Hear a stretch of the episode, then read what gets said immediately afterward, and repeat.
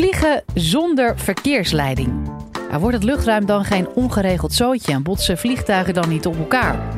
Het lijkt gekke werk, maar volgens vliegtuigbouwdeskundige Jacco Hoekstra van de TU Delft is dit helemaal geen slecht idee.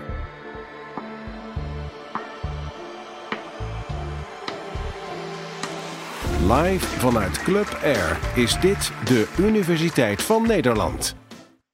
Waarom is chaos in de lucht veilig? Ja, het, het, waar, het, waar, het, om gaat is eigenlijk om, uh, wat er in de cockpit, eh, de cockpit gebeurt. Het begon vroeger met cockpits die, er, die eruit zagen zoals elektromechanische instrumenten, sommige elektrisch, sommige puur mechanisch. En dat zijn allemaal ronde klokjes uit uh, de, de 60er jaren, 63. En tegenwoordig zien cockpits er heel anders uit.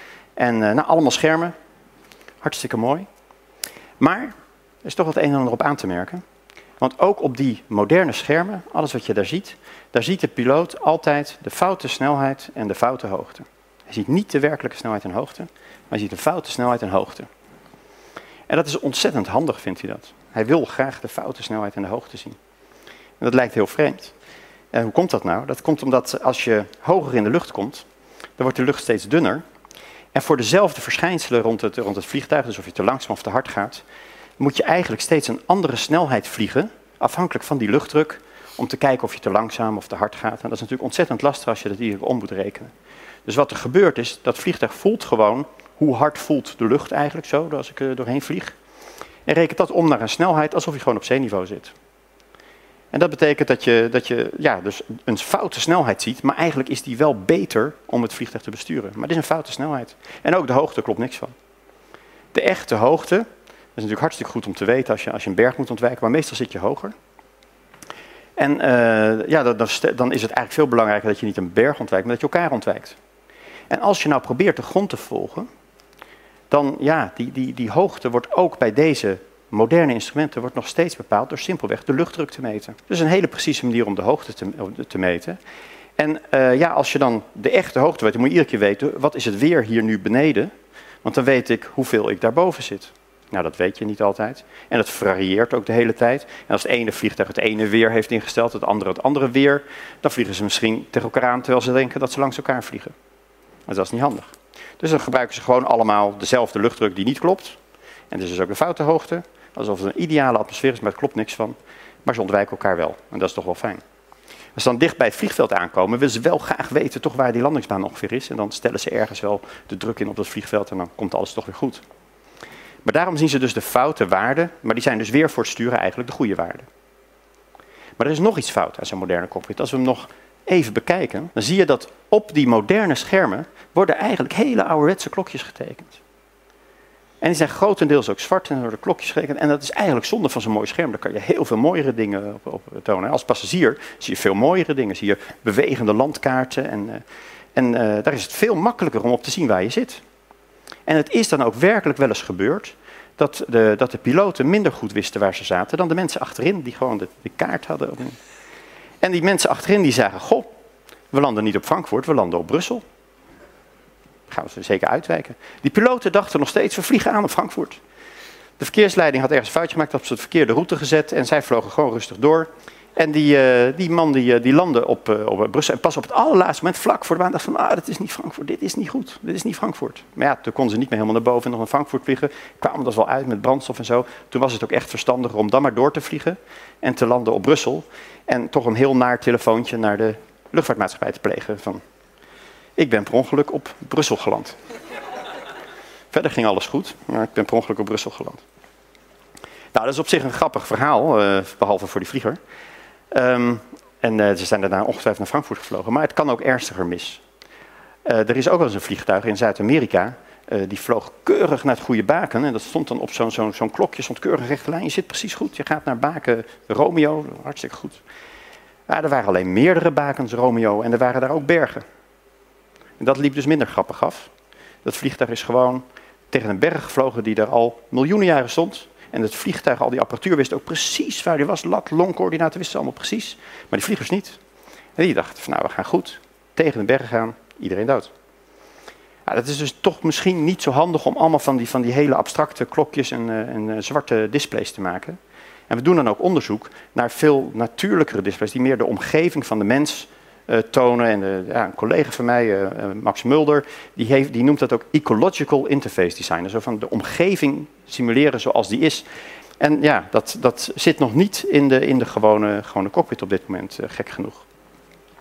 En waarom is dat nou? Dat is omdat je, als je dit, dit wil gaan ontwerpen, uh, en, en uh, dat kan trouwens. Nog, nog één voorbeeld. We hebben ook een, een, voorbeeld van hoe dat dan kan. Je kan de hele route natuurlijk op die manier ook tekenen voor zo'n vliegen. Als je een tunnel tekent in de, in de, in de, en dat gewoon helemaal uitrekent en zegt van nou, we maken het voor de vlieger zo makkelijk. Als hij gewoon door die tunnel heen vliegt, dan, uh, dan gaat alles goed. En dat kan je dan ook op zijn display, wat recht voor zich, kan je dat, dat die tunnel vliegen als je er doorheen vliegt. Um, waarom zit dat nou nu nog niet in die, in die vliegtuigen? Het is het nog steeds iets voor universiteiten, laboratoria. Het is omdat als je iets verandert in de cockpit, dan moet het wel in de regels passen. Dan moet je bewijzen dat het net zo veilig is. Er zijn hele strenge regels in de luchtvaart voor of iets, uh, of iets veilig is. En dan moet je dus heel veel vliegen en heel veel studies doen om te bewijzen dat het net zo veilig is als het oude. Het is dus veel makkelijker om die oude klokjes te tekenen op die moderne schermen, want dat is al bewezen dat het veilig is, dat kost je niks. Terwijl als je die nieuwe dingen wil gaan testen, dan, ja, dan moet je dat allemaal bewijzen, moet je allemaal dure vliegproeven doen. En ja, nou ja, waarom zou je dat geld uitgeven als je het oude ook kan verkopen? Dus je ziet dat, dat van die regels, het is natuurlijk niet voor niks. Hè, dat we heel voorzichtig zijn dat als iemand een nieuw gadget heeft, een nieuw, kijk, nu toch een mooi scherm, zet maar in de cockpit. Ja, dat kan natuurlijk ook niet als het niet werkt. Hè. Er komt opeens een uh, error message te staan. Of je, je, de piloten snappen er niks meer van, omdat ze niet goed getraind zijn. Dan gaat dat natuurlijk ook niet goed. Dus die regels die zijn er wel voor een reden. Het is best goed om voorzichtig te zijn, een beetje conservatief te zijn en niet allemaal opnieuw te zetten. Maar je ziet, het is wel gek hoe zeg maar iets wat geboren is uit veiligheid, niet te snel, niet te nieuw, kan leiden tot minder veiligheid. Namelijk, we zagen niet dat we tegen een berg vlogen. En dat is een soort paradox van de, ja, de veiligheid die zichzelf weer in de staart bijt. En veiligheid zorgt voor onveiligheid. Ja, oh, die, eh, die, die nieuwe displays trouwens, die doen we stiekem wel hoor, die nieuwe displays. Het mag niet. Maar wat we dan doen is, we maken er een scherm naast. Zie? Dus we hebben al die ouderwetse schermen, die officiële goedgekeurd, hartstikke fijn. En dan maken we er gewoon een extra scherm naast. Daar zitten allemaal pop-up menu'tjes, een taxi-display. Zetten gewoon al die nieuwe dingen toch op. En dan hebben ze toch. Maar het hoeven er niet op te je hoeft niet te bewijzen dat het goed is. Want dan zeg je, nee, ze hebben al het oude spul in het midden. Alles goed. Maar in de praktijk kijken ze natuurlijk wel stiekem naar die electronic flightback. En daar zien ze gewoon alles op. En zien ze zich keurig taxiën en dan, uh, dan navigeren. Want het vliegtuig weet dus precies waar die zit. Hoe doet zo'n vliegtuig dat? Nou, er is eigenlijk, uh, kan je om dat te begrijpen, uh, best kijken naar een soort van, naar een vuurtoren. Die zien we van boven. En die, eh, die draait een, een, een, blauwe bundel, die draait die, eh, draait rond. En uh, ja, die, die, die, eens in zoveel tijd is er zo'n witte flits. En die witte flits gaat alle kanten op en die blauwe bundel draait rond. Als je nou bij deze vuurtoren in de buurt vaart en je zit dan, laten we zeggen, zo op rond half, half vier. Als je het voorstelt dat het een klok is in die richting, dus zomaar, of als het het noorden is boven, zit je ongeveer naar het zuidoosten dan uh, zie je dus, wat zie je dan? Dan zie je nu een witte flits. En als hij ongeveer 6 seconden ronddraait, zie je na 2 seconden zie je die blauwe bundel langskomen. En dan 4 seconden later zie je weer een witte flits. Dan weet je dus waar je in die cirkel zit. En dan weet je dus zonder kompas of weet ik wat, weet je puur met alleen dat baken, weet je waar je zit ten opzichte van het baken, namelijk naar het zuidoosten. Dat is het principe van een baken wat we, wat veel gebruiken in de luchtvaart, VOR-baken. En dat kan je nog steeds zien als je op kaarten kijkt, als je op, luchtvaartkaarten kijkt, dan, uh, dan zien we dat al het verkeer vliegt volgens strakke routes. En je kan het zelf zien als je naar het hele luchtverkeer van de wereld kijkt. En zie je allemaal via vaste routes vliegen. Die vliegen van baken naar baken. En boven de, boven de oceaan is iets heel bijzonders. Maar eigenlijk wist u dat wel, want als je uit Amerika terugkomt, land je altijd ochtends. S vroeg, of in ieder geval voor twaalf. En als je vertrekt naar Amerika, vertrek je altijd middags of s avonds. Nou, dat is om te zorgen dat die vliegtuigen elkaar uh, niet uh, tegenkomen. Want het is boven de, de oceaan is geen, geen radar, dus verkeersleiding kan je niet zien. En ja, je kan wel weten waar je zit, maar je moet ook de andere vliegtuigen nog ontwijken. En als je dus geen radar hebt boven de oceaan, dan uh, is het misschien wel handig om het als een soort spoorlijn rails te gebruiken, waar je eens in zoveel tijd een vliegtuig opzet en er liggen een aantal sporen naast elkaar. En dat is ja, een procedurele manier om het verkeer uit elkaar te halen. En zo zorg je dan dat die vliegtuigen elkaar niet tegenkomen weer boven de oceaan, waar er geen verkeersleider is om te kijken of het allemaal goed gaat. En daarom vlieg je dus altijd uh, smiddags naar Amerika toe en s ochtends in onze tijd uit Amerika terug. En die verkeersleiding vindt het ook heel fijn als er een ordelijk plaatje ontstaat. Dus behalve van baken naar baken vliegen, wat we dus nog steeds doen. En we hebben natuurlijk inmiddels GPS, we, kunnen, hoeven niet meer van baken naar baken vliegen. We kunnen overal zien waar we zitten. Maar toch vliegen we nog steeds van baken naar baken. En dat is om die verkeersleider dat verkeer makkelijk uit elkaar kan houden. Daar wordt het veel ordelijker van. Maar je vliegt natuurlijk wel om, soms. Je vliegt net als overwegen, je vliegt om. Maar je wil natuurlijk gewoon rechte lijn, de grootcirkel wil je vliegen. En om dat te doen, dan, dat kan, maar dan ontstaat er chaos in de lucht. Dan gaat iedereen kriskras door elkaar zijn eigen optimale route vliegen. Chaotisch plaatje voor een verkeersleider niet te doen om dat uit elkaar te halen. Hij heeft liever een paar kruisingen die hij in de gaten moet houden, dan dat iedereen kriskras door elkaar heen vliegt. Nou, zeggen ze, nou dan, dan uh, doet de vlieger het toch gewoon zelf. Dat was op een gegeven moment een idee. Als ze kriskras door elkaar heen vliegen, doet de vlieger het toch gewoon zelf. Ja, ontstaat er dus inderdaad chaos in de lucht. En dan moet je dus regels afspreken. En daar kan je verkeersregels voor afspreken. En als je dan bijvoorbeeld afspreekt dat als twee vliegtuigen elkaar tegenkomen. en we kijken waar ze, als je die lijn doortrekt, waar ze dicht bij elkaar zijn. dat je alleen maar zo beweegt dat je die afstand groter maakt. dan heb je verder heel weinig regels nodig. Dat is eigenlijk één simpele regel. De minimale afstand die nu voorspeld wordt, moet je alleen maar vergroten. Dan hebben we zonder dat we met elkaar hoeven overleggen over hoe gaan we dit oplossen. lossen we het vanzelf in in een soort ja, coöperatieve, gecoördineerde manier op. En dan krijg je dus niet wat je wel eens hebt als je, twee, als elkaar tegenkomt op de gang, hè, dat je allebei tegelijk zo naar links en rechts gaat. Want je hebt een hele simpele regel om te kijken hoe je, hoe je elkaar eh, ontwijkt. Maar er moet wel een minimale afstand zijn natuurlijk. En ja, hmm, als je nou precies recht op elkaar afstapt, krijg je dan toch niet die dans. Nou, daar hebben we wel naar gekeken. We hebben allerlei verschillende geometrieën gedaan. Er is onderzoek naar gedaan wat als de vliegers het zelf doen. En opeens zijn er acht vliegtuigen die proberen dat hebben we natuurlijk zo ingesteld. Maar die proberen, het is niet echt verkeer, de simulatie. En die willen allemaal in het midden zijn op dezelfde tijd, dezelfde hoogte, dezelfde snelheid. Nou, dat gaat niet gebeuren, want dat heet een botsing. En niet zo'n kleintje ook. Dus in het begin zitten ze keurig in een, in een cirkel. En dan, dan, detecteren ze allemaal die systemen aan boord. Die moeten wel weten waar de andere vliegtuigen zitten. Maar dan detecteren ze allemaal van, hé, hey, we, hebben een, we hebben een conflict, wordt er voorspeld. En dat moeten we oplossen. En iedereen lost het voor zich op en zijn symmetrie weg, want er zit namelijk altijd zo'n kleine onnauwkeurigheid in. Je ziet, vliegt eigenlijk nooit helemaal recht op elkaar af. En die kleinste onnauwkeurigheid, die, die, ruis voor mijn part in het systeem, het afkappen van onnauwkeurigheden, die wordt uitvergroot door die verkeersregel. Hè. Die zegt van je moet het groter maken. En het is dus al lang opgelost. Ik zou als verkeersleider nog niet helemaal gerust op zijn. Maar het is opgelost. En dat zonder dat iemand het totaalplaatje heeft. Maar er zijn misschien toch wel situaties waar je zegt van nou, als dit gebeurt, dan moet je toch echt wel iemand hebben die de God's eye view heeft en die het allemaal gaat regelen.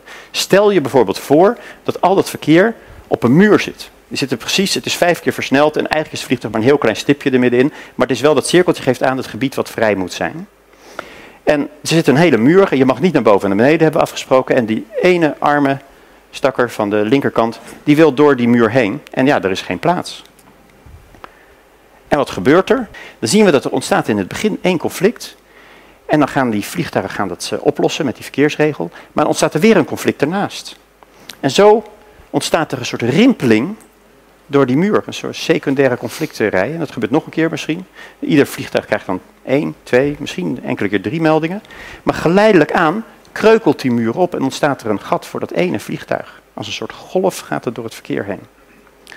En dat blijkt dus eigenlijk best aardig te werken. Maar ja, kan zo'n vlieger dat er nou wel bij doen? Hè? Die heeft al die instrumenten en kan hij dan ook nog wel een beetje verkeersleider gaan zitten spelen voor zichzelf. Nou, we hebben daar toen uh, proeven voor gedaan. We hebben Flight Simulator genomen. We hebben daar gewone airline piloten ingezet. En die hebben we dat laten vliegen. En we hebben ze door drie keer zo druk verkeer van de, drukste sector van Europa laten vliegen. We moesten het een beetje testen. We hadden één keer zo druk, twee keer. En dan het scenario waar het niet in zou gaan was drie keer. We hebben het zelf een beetje getest. Nou, ging nog best aardig. Dus ja, hmm, we moesten toch een situatie hebben waarin het misging, want we wilden kijken hoe het misging.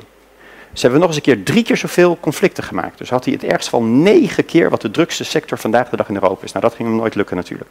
Airlinevliegers gingen in de flight simulator, we lieten ze dat scenario. Toevallig kregen ze als eerste inderdaad dat drukke scenario.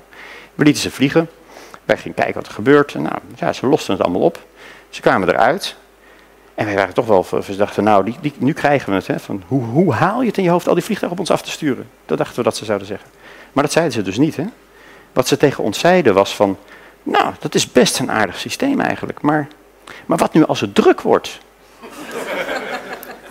zij hadden dus geen flauw idee dat, hoe druk ze hadden gevlogen. En dat komt, ze kijken het natuurlijk nooit op het scherm van een verkeersleider. En ze hoeven alleen maar hun eigen problemen op te lossen. En het blijkt dus dat dat, dat, dat, ja, dat, dat beter, dat dat veiliger werkt dan, dan op de grond. Nou, waarom, waarom gebeurt dat niet? Ja, er is nu zo'n heel systeem van we doen het op de grond. En er zitten allemaal organisaties en, en, en uh, ja, daar verdienen natuurlijk ook weer mensen aan. En daar zitten allemaal organisaties die, die nu zo ingericht zijn. En als je zegt, joh weet je, we doen het morgen gewoon helemaal anders. Een complete revolutie. Ja, dat gaat niet gebeuren. Dan moet je de hele wereld, iedereen zeggen, we gaan het nu anders doen. Een nieuwe apparatuur, dat gaat natuurlijk niet. Maar in de hoge luchtlagen en boven zo'n oceaan, en weet ik, kunnen ze misschien wel gewoon zelf laten vliegen. En hebben we geen verkeersleider voor dat gebied meer nodig. En dan kan de piloot dat doen. Wil je nou meer afleveringen van de Universiteit van Nederland horen? Check dan de hele playlist en ontdek het antwoord op vele andere vragen.